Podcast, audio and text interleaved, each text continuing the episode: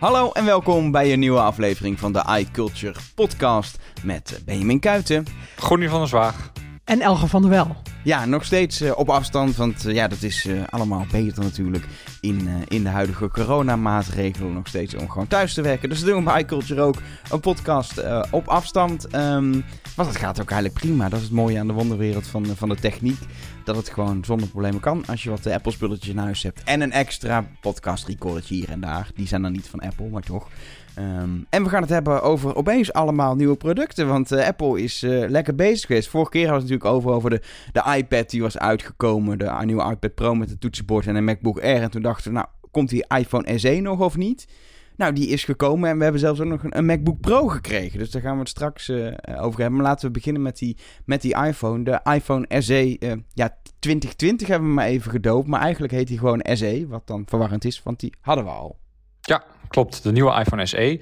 Um, zoals je zegt, die hadden we al uit 2016, de allereerste iPhone SE. Dat was een 4-inch toestel die gebaseerd was op de uh, iPhone 5, 5-serie. En nu is de nieuwe iPhone SE 2020 gebaseerd op de iPhone 8. Um, 489 euro, dat is dus best wel uh, voordelig. Uh, qua design is hij dus um, gewoon met thuisknop, uh, wel met dikke schermranden boven en onder. een glazen achterkant, aluminium behuizing, drie kleuren, zwart, wit en rood. Die vind ik persoonlijk het mooiste. Um, maar wel aan de binnenkant met de nieuwe A13-chip, dezelfde dus als de iPhone 11-serie. En uh, een iets verbeterde camera, waar je portretfoto's mee kan maken, zowel aan de voorkant en als aan de achterkant. En het unieke daarvan, van die camera, is dat er dus uh, alles van wat betreft de portretmodus wordt gedaan met software. Dus waar dat met de voorgaande toestellen nog allemaal uh, met hardware ging, met lenzen, focuspixels, dat soort dingen, gaat het bij de iPhone SE puur op software. En dat is wel heel knap. Ja, dat hebben we natuurlijk bij de, bij de iPhone 10R voor het eerst wel een beetje gezien dat ze dat hebben geprobeerd. Maar dat is nu ook weer, ja. ook door de nieuwe chip die erin zit, hebben ze dat wel weer nog beter uh, gemaakt. Zonder dat er dan extra ja. lens voor nodig is. Ja, die iPhone 10R had wel die focus pixels. Die kon daar wel een beetje met hardware uh, wat meer, uh, beter mee overweg. Maar uh, bij de iPhone SE is dat dus puur op software. Daardoor kun je dus wel standaard alleen maar portretfoto's maken van, van mensen en niet van dieren en van voorwerpen. Dat kan wel met, uh, met de Nederlandse camera-app uh. Die hebben daar wat slimme dingetjes op bedacht. En daarmee kan het dus wel. Maar standaard met de camera-app kan het echt alleen met, van, van personen. En het resultaat is eigenlijk best wel goed. Ja, maar je krijgt dus voor, voor nog geen 500 euro nou ja, iets wat outdated design, maar op zich een prima telefoon. Het scherm is prima. De camera is niet uh, met uh, drie lenzen, maar wel gewoon een goede camera met, uh, met de functies die je eigenlijk aan het 2020 van de camera verwacht. Um, en gewoon de allernieuwste chip gewoon. Ik denk ze doen een beetje zo'n oud chipje wat ze nog op de plank hebben liggen. Maar je krijgt gewoon een iPhone die in ieder geval qua rekenkracht gewoon 4, 5 jaar mee kan met een beetje geluk. Ja, het is de reacties in het begin uh, ik zag vooral ook wel mensen die zeggen van ja, uh, Apple innoveert niet meer, uh, weer dat oude design, terug in de tijd, dat soort dingen allemaal. Maar deze iPhone is ook niet bedoeld voor mensen die nu een iPhone 10s hebben of nu een, een, iPhone 11 misschien wel hebben. Daar is deze iPhone niet voor bedoeld. Hij is echt puur voor mensen die een iPhone 6 nog hadden, of een iPhone 6s of iPhone 7 of natuurlijk de eerste iPhone SE. En die uh, eigenlijk al die tijd gewacht hebben om te updaten. Of omdat ze de noodzaak daar niet echt toe zagen. Uh, of omdat de huidige de nieuwstoestellen gewoon ja, te duur waren voor hun. Um, en daar is deze iPhone SE natuurlijk perfect voor. Um, maar die mensen, die, de maakte, die doelgroep maakt ook niet zoveel uit dat het niet uh, geen driedubbele camera heeft, of geen Face ID heeft, of uh, dat er schermranden in zitten. Dat maakt voor die doelgroep helemaal niet uit. En daar is dit toestel juist echt perfect voor. En zeker voor deze prijs ja, is het al eigenlijk wel een no-brainer. Ja, Gonnie, jij bent natuurlijk iemand die uh, thuis een geheime collectie heeft van elk iPhone-model ooit, ooit uitgebracht. Is dit nou eentje, je wil natuurlijk testen, maar is dit nou eentje waarvan je het voelt, ja, ook al is het dan niet nu, zeg maar, de, het high-end model, ik moet hem toch hebben, want het is toch een iPhone? Uh, nou, ik ga hem niet persoonlijk gebruiken. Ik ga hem uiteraard wel testen. Uh, maar um, ja, als je nu op een iPhone zit te wachten, vind ik, dat wel een, eh, vind ik het wel een goede keuze. Ik heb ook uh, eerder aan Apple gevraagd hoe het nu zit met de 10R. Want die zit ook nog steeds in het assortiment. Het is eigenlijk een beetje een hele rare ertussen. Want je hebt dan de, nu de iPhone 11-serie. Ehm, met de nieuwste chip. Eh, de iPhone SE heeft ook de nieuwste chip. En dan blijft die 10R nog- ja, een, beetje, een beetje achter ja, hangen. Ook in verschillende kleurtjes, ook leuk. Maar wie koopt het nou nog? En ja, ze zeiden tegen mij dat het eh, voor mensen is die eh, toch een Face ID eh, toestel Ja, willen. maar ja, je, krijgt, je Ja. betaalt heel veel voor Face ID, want je krijgt dus een, een mindere processor. Het scherm is ongeveer, ja, het is iets groter, maar het is dezelfde Mhm. kwaliteit scherm eigenlijk als de SE. Dus je betaalt heel veel meer voor, ja, Face ID. Eigenlijk wel, ja. dat die iPhone 10R toch vooral nog in het assortiment is voor mensen die eh, echt wel een groot scherm willen, maar niet weer die prijs van de iPhone 11 willen betalen. Want de iPhone eh, SE heeft natuurlijk alleen de iPhone 8 opgevolgd. En de iPhone 8 Plus is ook uit het assortiment, maar daar is nog geen opvolger voor. En die wordt voor eh, volgend jaar verwacht, in 2021. Dat wordt de iPhone SE Plus dan. Ehm, en ik denk dat op dat moment dat de iPhone 10R er wel echt uitgaat. En dat je dan gewoon nog de 11 houdt en de 12 en 12 Pro en zo, die er dan al zijn.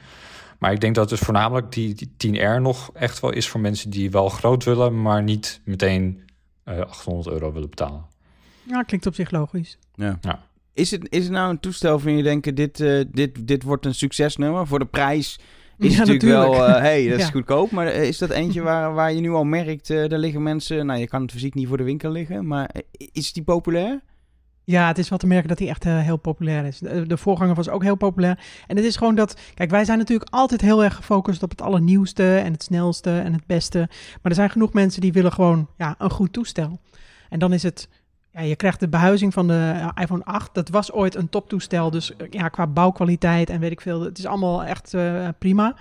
Ehm, alleen wel ja, voor een lagere prijs. Nee, ik, maar, ik zag iemand voor de grap de vergelijking maken tussen... Je kan zeg maar voor hetzelfde bedrag een, een iPhone 8 kopen... of een Magic Keyboard voor bij je iPad Pro... of de helft van een setje wielen voor je Mac Pro. Dat is nu een beetje de price range van Apple. Ja, voor, voor Apple is het, gewoon, is het gewoon een hele goede deal. En heb je gewoon inderdaad, inderdaad een, een toestel wat er nou wat ouder uitziet... waar je denkt, nou die randen hadden niet gehoeven... Maar verder is het gewoon een telefoon waar je, waar je heel veel kan van genieten. En inderdaad, echt, eh, een vriend van mij heeft eh, letterlijk zijn iPhone van het balkon laten vallen vorige week.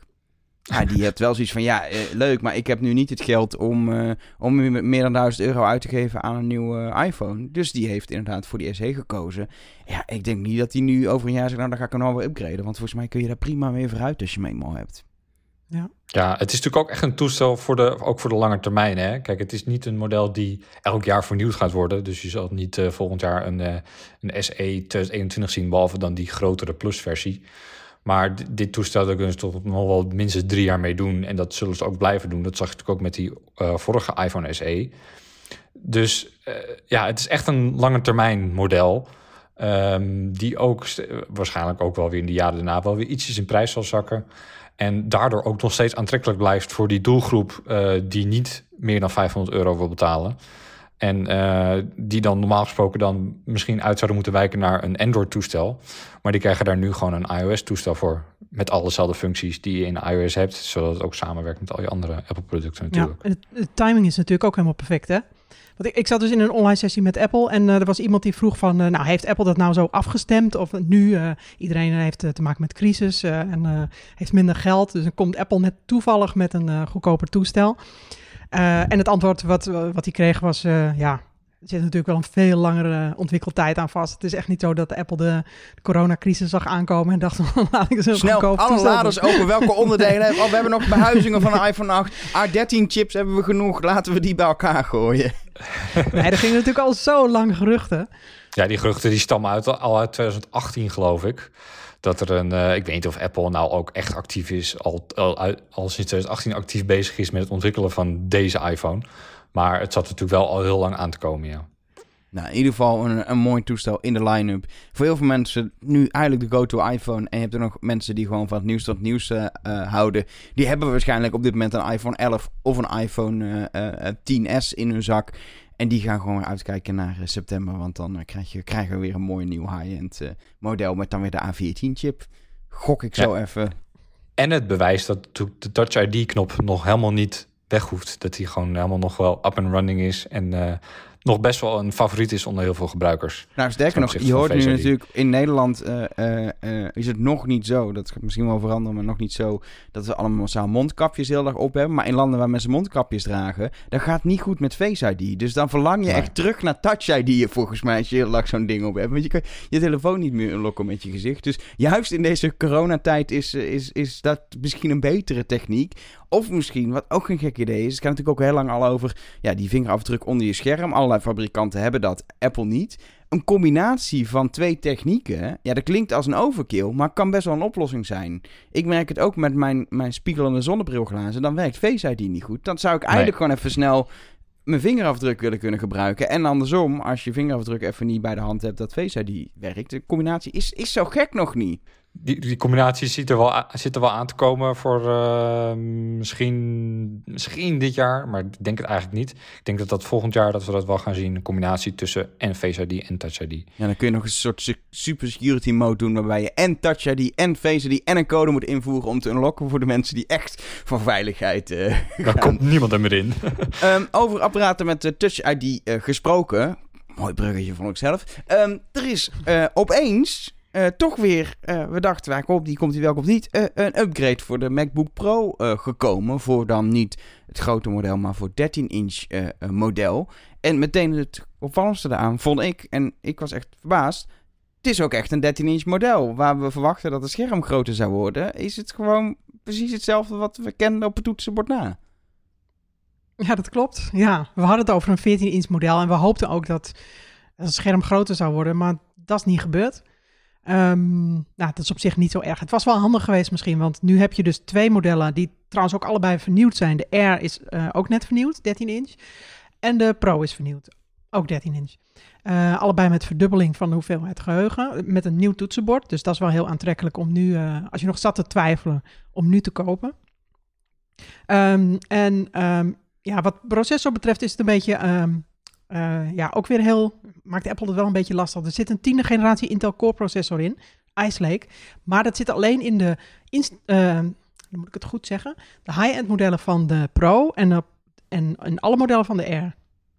Dus als Ja, je het dus niet- Instap Pro model koopt, met die Mhm. twee USB-poorten, dat is het Instap model, is de kennen aan twee USB, dan heb je een oude generatie processor dan Ja. de MacBook Air. Ja, achte generatie heb je dan. Ja, Ja. Die, die, die instap MacBook Pro is eigenlijk puur en alleen vernieuwd op het gebied van toetsenbord. Er zit geen betere processor in. En ja, er zit wel twee keer zoveel opslag in, dat wel. Ja. Eh, 128 naar 256. Maar verder is er eigenlijk... En, eh, en eh, betere speakers en een microfoon. Maar goed, ja, of je daar nou een nieuwe MacBook Pro voor aan gaat schaffen... dat weet ik ook niet. Maar Ja, als je toch een nieuwe nodig had. Ja, oké. Maar ten opzichte van het voorgaande model... is er bij de, de high-end versie van de 13-inch MacBook Pro... echt wel veel meer verbeterd. En dat vind ik wel jammer eigenlijk. Ja, want eh, onder andere zag ik ook dat Apple eindelijk gewoon een beetje heeft gezegd, in ieder geval bij de high-end modellen, 16 gig geheugen is de standaard. Want ik heb me daar de laatste jaren best wel een beetje over verbaasd langzaamaan. Dat soort van, oké, dit is een pro-machine, maar wel maar 8 gigabyte werkgeheugen. Terwijl, eh, ja, je merkt in de praktijk dat dat geheugen gewoon, als je een beetje pro-dingen doet met video-editing, je werkgeheugen volloopt. En dan gaat die swappen op je SSD en dan wordt het allemaal traag van. Eh, iedereen die ook, die ik ken, die een beetje in die wereld zit, zegt, eh, als je echt een pro wil, koop hem, maar klik even die upgrade naar 16 gig aan in het werkgeheugen. Even, ja, dat Ja. kost je weer 240 euro geloof ik. Maar Ja. nu is dat, in ieder geval voor de high-end, eh, voor het high-end model, is dat, eh, is dat nu wel de standaard eh, geworden. Ik denk een, een stap die hard nodig was, eh, die Apple nu heeft gezet. En het geldt eigenlijk ook voor die vergroting van die opslag. Ehm, ja, Ja. bestanden worden steeds groter. En die high-end model kan je nu upgraden naar 32 gigabyte werkgeheugen. Dat was voorheen alleen bij de eh 16-inch MacBook Ja, Pro. ik weet nu, die mensen die mij adviseerden om naar 16 gig te gaan, gaan nu allemaal roepen dat je door moet klikken naar 32 gig waarschijnlijk. Waarschijnlijk. Maar verder is het op zich, ehm, jullie gaan natuurlijk eh, reviewen, maar je- het is gewoon helemaal de MacBook Pro. En het toetsenbord hebben we al kunnen testen op, ja, eigenlijk de MacBook Air. Want daar hebben ze ook dat toetsenbord ingestopt. Het is een toetsenbord wat in de 16-inch Pro zit, wat nu in de Air zat. Eh, en ja, nu ook dus in, de in, de, in de MacBook Pro 13-inch zit. Het is nu gewoon overal weer het, eh, ja, toch wat fijn voelende, lekker werkende en niet plakkende, toetsenhebbende toetsenbord. Ja. Nou, het is vooral het rechttrekken van het assortiment eigenlijk, wat ze gedaan hebben. Het is, niet echt uh, innovatie of zo. Zoals wat wel wat meer is bij de 16-inch MacBook Pro van vorig jaar. En ik vind het eigenlijk wel jammer dat ze nu niet meteen gewoon die stap hebben gemaakt naar 14-inch. Ik had dat eigenlijk wel verwacht. Ja, want het voelt wel, tenminste, dat heb ik als ik nu, ik heb nog een oude uh, 12-inch MacBook. Dat beetje hetzelfde qua scherm, die is natuurlijk kleiner. Maar als ik die randen zie, dan denk ik, ja, nu, nu nog een, een, een MacBook verkopen met zulke schermranden is eigenlijk niet echt van deze tijd. En als je kijkt naar Windows laptops, dan zie je de mooiste schermen die edge-to-edge lopen. En met alle andere producten, van iPad Pro tot iPhone, zien we hoe mooie schermen kunnen zijn als je niet te veel rand hebt. En dan die 13 inch zeker. Kijk, voor de R snap ik het nog, want het is een, een wat meer goedkoop model. Maar voor de Pro denk ik, ja jongens, kom even op met die schermranden. Druk die even weg en dan heb je meer schermruimte. Wat zou, de, wat, wat zou de reden zijn, gewoon niet dat dat nu toch niet... Het voelt als, het is toch niet gebeurd. Alsof ze het wel wilden, maar niet hebben gedaan. Nou, misschien komt het nog later dit jaar, hè. De Apple... Uh, misschien hadden ze het ook gewoon niet klaar. Ik heb geen idee. Ja, of misschien willen ze toch wachten op die mini-LED-techniek. Mm Want daar zijn natuurlijk wel al geruchten over geweest... dat daar uh, eind dit jaar nogal uh, nieuwe modellen voor aankomen... voor de iPad en de MacBook... Uh, Mini-LED, energiezuiniger en al dat soort dingen. Ehm, dus misschien dat ze dat als gelegenheid aan willen grijpen om de stap naar 14 inch te maken en dunnere schermen te doen. Maar de 16 inch MacBook Pro heeft wel bewezen dat het ook gewoon met de huidige techniek kan. Dus ja, wat daar de reden van is, ik vind het lastig om dat, uh, om dat te kunnen voorspellen. Maar ik vind het wel jammer. Het is vooral waarom doe je het dan wel bij die, bij die 15 inch naar 16 inch en dan niet 13. Dat, dat, dat snap ik gewoon niet aan. Als je zegt nee. inderdaad, we willen met die, met die schermen nog een hele grote stap maken. Ja, waarom zou je dan die 15 inch ook niet gewoon even 15 inch laten? Dat uh, snap ik dus ook niet. Nee. In ieder geval, als je nu een MacBook uh, uh, moet kopen, dan hoef je geen zorgen meer te maken. Tenzij een oud model gaat kopen, wat natuurlijk altijd nog wel ergens in de aanbieding is. Maar als je gewoon een nieuwe MacBook koopt, geen zorgen meer te maken over toetsenbord. Dat is gewoon goed. En kun je echt kijken, wat heb ik nou nodig qua processor, qua opslag, qua, uh, qua zwaarte ook. Dus dat is natuurlijk ook belangrijk. wat wil je eventueel bij je sjouwen? Moet dat een R zijn of kan dat een, een iets zwaardere Pro of zelfs een 16-inch Pro zijn? De line-up is heel overzichtelijk geworden. En ik denk dat dat iets is waar, uh, waar we met z'n allen heel blij mee mogen zijn. Want ik kreeg het op een gegeven moment ook niet meer uitgelegd aan mensen die me vroegen... ik moet een nieuwe MacBook, wat moet ik kopen? Dan... Ja, uh, ja, wacht even, was meestal het devies. Want uh, de Pro ja. komt waarschijnlijk wel met een nieuw toetsenbord. Want dat toetsenbord dat er nu in zit, dan moet je even niet willen, willen hebben. En nu, nu hoef je daar geen, geen zorgen meer over te maken. Ja, misschien gaat het toch nog wel weer ingewikkeld worden. Hè? Want er zijn geruchten dat er een 12-inch MacBook terugkomt. Ja, maar dan met een, uh, met een uh, ARM-processor, dus een eigen processor van Apple ja. uh, erin. Mm -hmm. Ja, laten we, laten we dat dan, dan wel weer zien. Want dan krijg je ook allemaal nog allemaal software dingen die daarbij horen natuurlijk. Omdat in principe alle software Precies. nu gemaakt ja. is voor Intel um, Macs. Dus moet je dat weer gaan, wat dan heet, emuleren. En dat wordt allemaal heel ingewikkeld. Um, wel spannend. Ik vind het wel een spannend idee dat Apple weer terug gaat naar eigen chips. Terwijl ze, ja, wat was het, 2000 vier of zo natuurlijk de stap hebben gemaakt naar, uh, naar Intel chips in, uh, in MacBooks. Ze kwamen van, uh, van hun eigen chips. En toen hebben ze alle keer die hele stap met de software moeten maken. En nu dan na ruim 15 jaar eventueel langzaam die stap terugmaken. Ik vind het een interessante ontwikkeling. Maar die bespreken we TCT wel weer. Volgens mij moeten we het nu namelijk nog even hebben over het nieuwe product wat we vorige keer over hebben gehad. Onder andere de MacBook Air. die heb jij uitgebreid getest de afgelopen tijd, Gonnie. Ja, ik heb hem gekocht. Uh, ik heb wel een iets snellere processor gekozen, dus de i5. Uh, en ik heb twee keer zoveel uh, werkgeheugen gekozen, 16. Dus ik was lekker aan het klikken. even bijgeklikt, even en toen blind op afrekenen gedrukt. Nee, het, hij kost uiteindelijk net zoveel als een uh, MacBook Pro.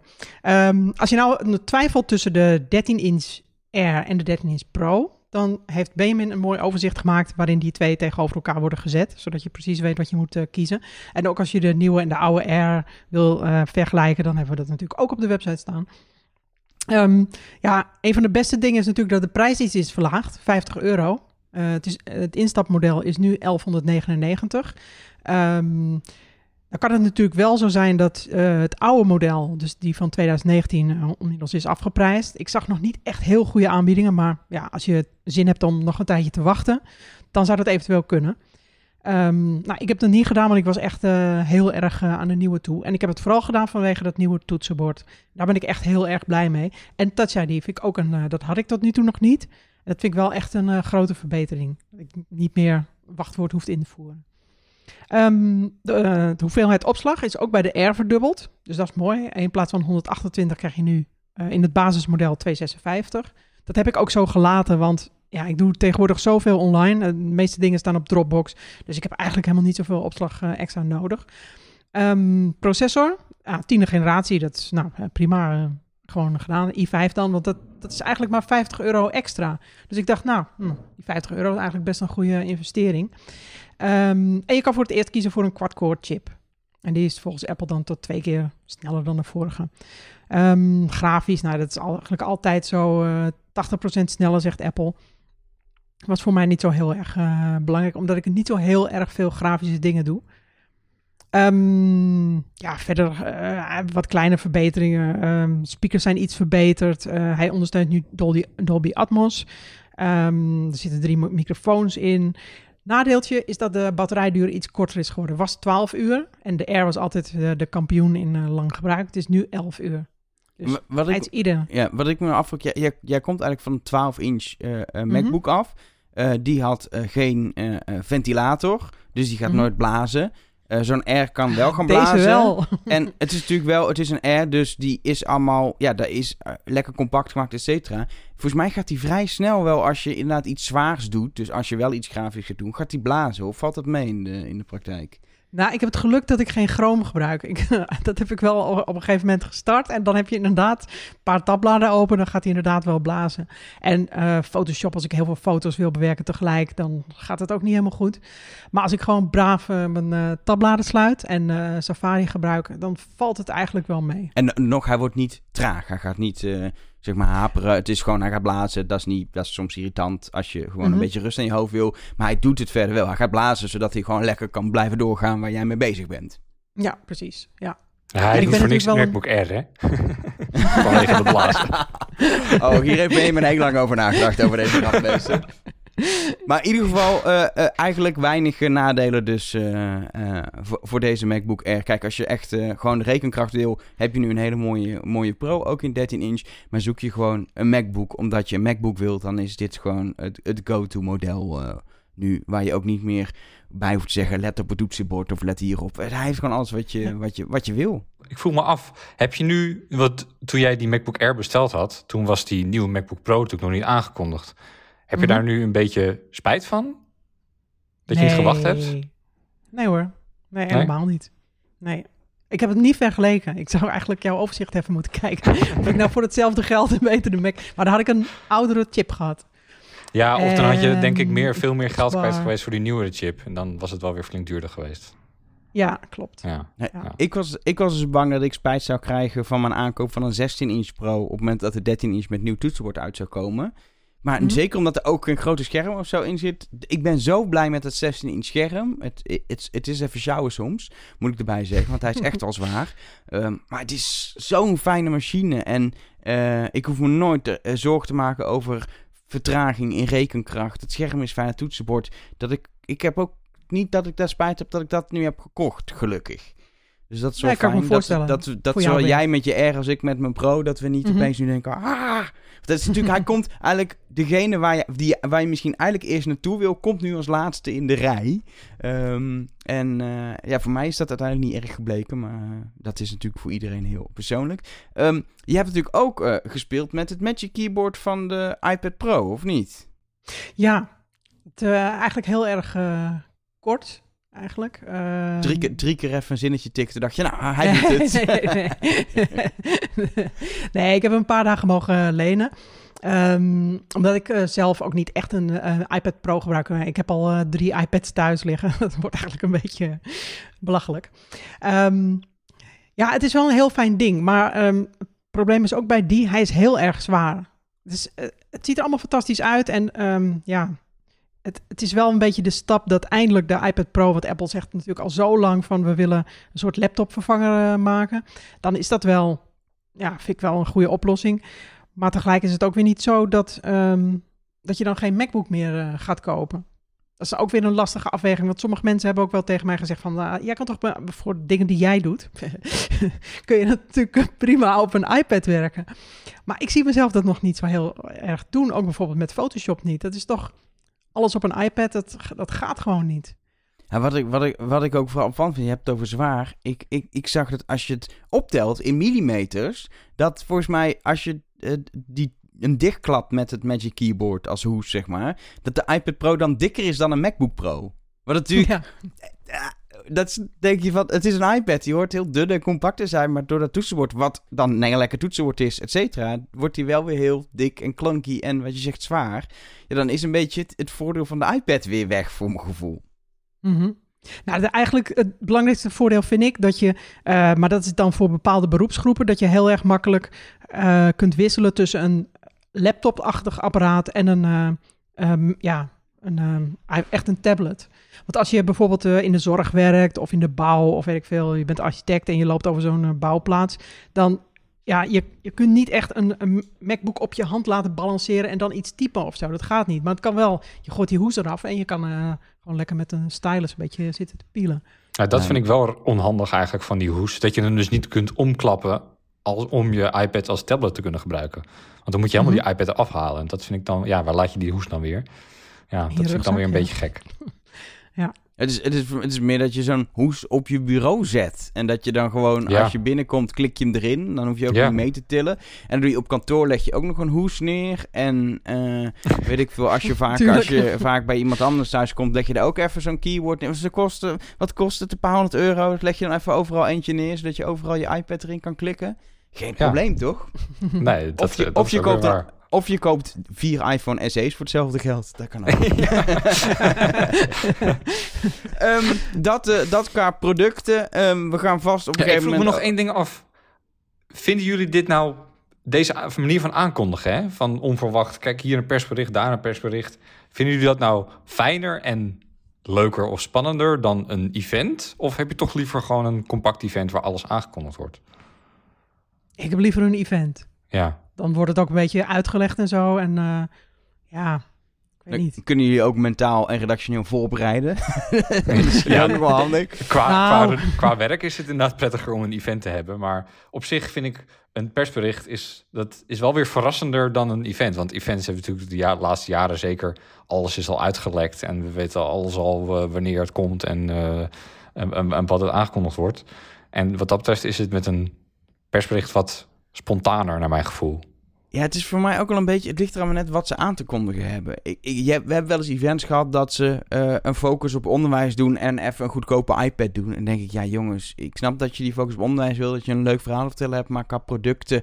is het gewoon zo under, under-promising wat je nu doet. Laat maar. Uh, tegelijkertijd, je ziet wat ze nu in het voorjaar allemaal hebben vernieuwd. Het zijn allemaal niet de grootste upgrades. Het zijn, weet je, de iPhone SE is uh, niet een high-end model. Is allemaal bestaand. Het, qua uiterlijk is het niks nieuws. Het is niet per se spannend. Um, die MacBook Pro, MacBook Air en ook iPad Pro. Ja, dat toetsenbord is vet en nieuw. Maar verder is het ook allemaal wat we al kennen verbeterd. Maar toch, als je het allemaal bij elkaar zou voegen, had het prima een evenement kunnen zijn, omdat het dan gewoon heel veel is.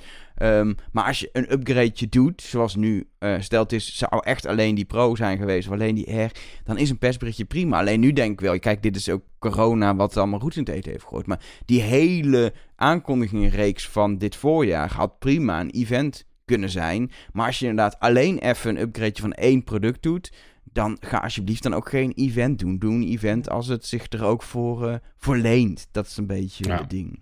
Ja, dat is waar. Ja. Nou, over events gesproken. Uh, we weten nu wel officieel wanneer het gaat gebeuren, de WWDC 2020. Het wordt alleen niet echt een event. Het wordt, nou ja, een online event, zoals Apple dat dan zo mooi uh, uh, noemt. Um, ja, ik ben wel heel benieuwd wat we daar kunnen verwachten. Um, qua, vooral ook, ja, dat vind ik dan interessant, toch de aankondigingen. Hoe ze alle nieuwe software met ons gaan delen. Ja, het wordt vooral ook spannend, denk ik. Niet zozeer... ja, natuurlijk ook wat ze aan, wat de iOS 14 allemaal biedt en wat de WatchOS 7 allemaal uh, verandert in, uh, op de Apple Watch. Maar ik vind het ook vooral spannend hoe ze het gaan doen.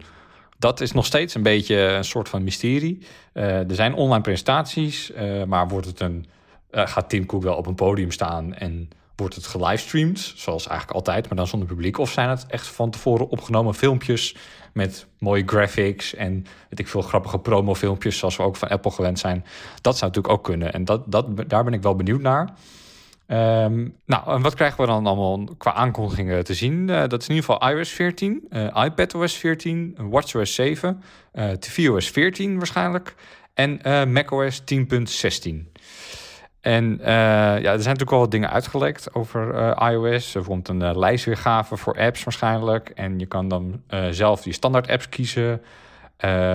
ja, meer ja, ja, ja. Eindelijk, tenminste, als het echt zover komt. ik eh, gebruik bijvoorbeeld de mail-app niet. Dus dat is echt, dat is zo irritant op mijn iPhone, dat hij nog altijd terug wil naar de mail-app als ik op een ma mail-to-linkje ergens klik. Ja. Zelfs als je de mail-app verwijdert, dan probeert hij zegt ja, helaas, je hebt de mail-app niet geïnstalleerd. Ja, dat is heel onhandig. En daar komt dan, uh, nou ja, hopelijk eindelijk verandering in.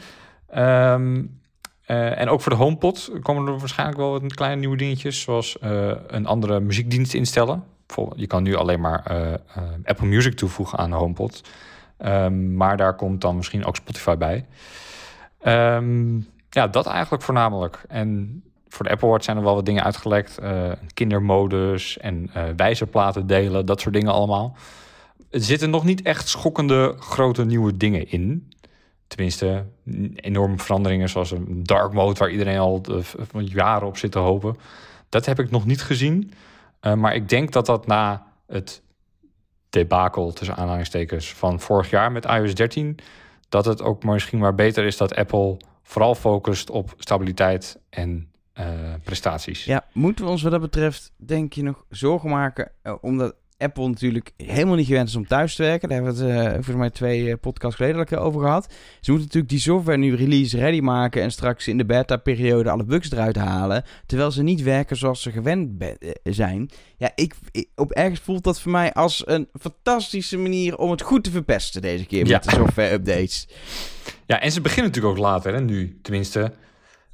De aankondiging is op 22 juni. Dat is uh, zo'n twee tot drie weken uh, later dan normaal. Dus beginnen ze ook twee tot drie weken later dan normaal met de eerste beta's voor ontwikkelaars. En dat heeft denk ik ook wel tot gevolg dat uiteindelijk de update voor iedereen ook later beschikbaar is. Misschien zelfs pas in oktober in plaats van tweede week september. Ja. En daardoor misschien dus ook de nieuwe iPhones pas in oktober komen in plaats van september. Maar dat is nog veel verder weg. Uh, maar ik ben inderdaad wel benieuwd hoe dat allemaal gaat lopen straks met uh, qua stabiliteit en hoe ze dat gaan doen. En of het ze lukt in deze situatie om een veel stabielere update af te leveren dan vorig jaar het geval was met iOS 13. Ja, dat is afwachten. Zo, zo is natuurlijk als eerste even de vraag: hoe gaat dat op 22 juni? Gonnie, gaan we dan alles in één keer wel horen in een digitale keynote? Heb je enig idee? Ik denk het wel. Ik denk wel dat het tegen die tijd wel weer mogelijk is om op een podium te staan. Volgens mij is tot ja, half mei of zo uh, in Santa Clara County, dus het gebied waar Apple zit, uh, moet iedereen thuis blijven. Maar rond die tijd kan het best zo zijn dat het alweer wat uh, versoepeld is, net als bij ons. En dan kan je natuurlijk best wel iemand naar een podium brengen. Dus je zet één persoon op een podium en je wisselt dat wat af met allerlei filmpjes, zoals we ja, vroeger van Johnny Ive dan kenden. Um, dus dat je ja, die producten of de softwarefuncties ja, in actie ziet. Een, leeg, een lege zaal zonder klappende mensen. Met, zonder, ja. met Tim Cook op een podium. Ja, ik denk ook niet dat Apple een soort lachbandje achter Ja, ik wil net zeggen, misschien wel een, lach, een, lachband of een klapband. ja. ja. Maar uh, wat dat betreft, ze hebben nu een aankondiging gedaan van de datum. We wisten al dat ze het hebben gedaan. Ze hebben ook al wat dingen getest, gewoon überhaupt of dat dan kan werken om, om gewoon de, de kleinere sessies met, met developers, om die digitaal te doen. Maar we weten nog steeds niet wat, hoe het er nou precies uit gaat zien dus. Nee, en dat weten we eigenlijk, ja. Weet Apple het zelf wel? Ik denk het uh, eigenlijk niet. Volgens mij zitten ze nu nog steeds een beetje na te denken van hoe gaan we dat nou aanpakken. Kijk, die kleine sessies, dat is niet zo heel erg ingewikkeld. Want ik heb wel eens die, uh, die sessies van vorig jaar en voorgaande jaren gezien in de app. En dat zijn eigenlijk gewoon slides en dan hoor je een stem die allerlei dingen vertelt. Dus je ziet helemaal niet iemand op een podium uh, klappen of weet ik veel. Dat is best wel ja, Saai, onpersoonlijk. eigenlijk. Ja. ja. Nou ja, het is natuurlijk heel inhoudelijk, dus dat is niet zo ja. erg. Maar, um, dus ja, dat, uh, die sessie gaat wel. Maar uh, hoe ga je een leuke aankondiging doen? Als je ja, Craig Federici een beetje leuke dingen wil gaan doen, heb je natuurlijk ook weer een cameraman nodig. En voor je het weet is het weer een hele productie. Dat is ook weer niet de bedoeling. Ja. Maar je wil ook niet uh, al die mensen in hun werkkamer zien zitten. Ja, en, en het is natuurlijk ook, wat natuurlijk ook meespeelt, los van je kan die sessies misschien nog wel digitaliseren. Je kan zelfs nadenken, inderdaad, wat we net deden over hoe kan je digitale keynote doen. Maar als je naar de WWDC toe gaat als ontwikkelaar, dan ga je voor de sociale interactie, dan ga je om andere ontwikkelaars te spreken, om samen een drankje te drinken. Het is, eh, het is nu een reek webinars, zeg maar, die eraan komt. Dat is toch, ja, dat is, dat, is, dat is de ene helft van WWDC die je digitaal kan doen. Dat is dan al iets minder dan in het echt, maar oké, dat kun je goed digitaal doen waarschijnlijk. Ja, die andere helft van WWDC is gewoon verloren dit jaar. Die sociale component. Ja, en we hebben het er eerder wel eens over gehad van is dit nu eh, ja, de nieuwe vorm van WDC, WWDC? Eh, ik hoop het eerlijk gezegd niet. Ik hoop wel dat het volgend jaar weer gewoon een event wordt. Desnoods met mondkapjes en eh, Kijk, je, met een half lege ja, zaal. je kan natuurlijk altijd dit als een soort extra doen om voor die developers community die veel groter is dan mensen die naar de WWDC komen. Laten we wel wezen, eh de meeste van de developers zijn niet op de WWDC wereldwijd dan er wel zijn. Dus je kan zeker een soort extensie doen. Ik denk dat ze heel veel van kunnen leren ook dit jaar hoe je dat digitaal kan doen. Zodat je de WWDC kan uitbreiden. Of misschien kun je wel door het jaar heen vaker sessies gaan doen om mensen bij te scholen. Of zeker die hele periode na WWDC in de zomer met de beta's om de nieuwe functies te gaan uitleggen en trainen op het moment dat het mensen zelf eh, beter uitkomt. Dat kunnen we allemaal over nadenken. Maar ja, de WWDC zoals die was, die, die, ja, die, daar kunnen we niet zonder, denk ik. Willen we ook Nee. niet. Maar het zou wel mooi zijn inderdaad als er ook gedurende het jaar veel meer mogelijkheid is voor ontwikkelaars om vragen te stellen. En eh, er zijn 23 miljoen ontwikkelaars voor iOS. Dus eh, ja, het is logisch dat die niet allemaal in de zaal kunnen zitten. Maar ik zou het wel mooi vinden als er inderdaad ehm, ja, iets wordt bedacht, zodat je als ontwikkelaar, als je ergens tegenaan loopt, dat je an- dan precies bij die ene engineer die ja, helemaal gespecialiseerd is in jouw onderwerp, dat je daar terecht kan en dan gewoon serieuze vragen kan stellen. Over, overdenken, een maandje ongeveer zijn we er waarschijnlijk wel weer met de podcast. En hopelijk hebben we dan een programma en kunnen we dan ook een beetje verder speculeren over wat er gelekt is. Ding is natuurlijk wel met software dat het een stuk minder eh, lekt dan, eh, dan hardware bij Apple. Ehm, dus dat het iets meer gisteren blijft. Maar hopelijk hebben we dan wat meer af, ja, antwoorden en kunnen we lekker een beetje echt goed inhoudelijk vooruitkijken en iets minder speculeren. Eh, voor nu zijn we denk ik doorheen. Tenzij Benjamin zegt, nou ik moet dit nog echt even kwijt over WWDC. Nee, nee. Dan zijn we er doorheen voor eh, deze aflevering van de iCulture eh, podcast. Volgende maand zijn we er weer. En misschien wel weer gewoon samen. Misschien kan dat dan met nog steeds anderhalf meter afstand. Maar kunnen we wel weer naar de redactie komen. Misschien nog op deze manier, wat op zich ook prima werkt. Al is het heel raar dat ik al een half uur naar Benjamin kijk die in een iPhone met een opname-app praat.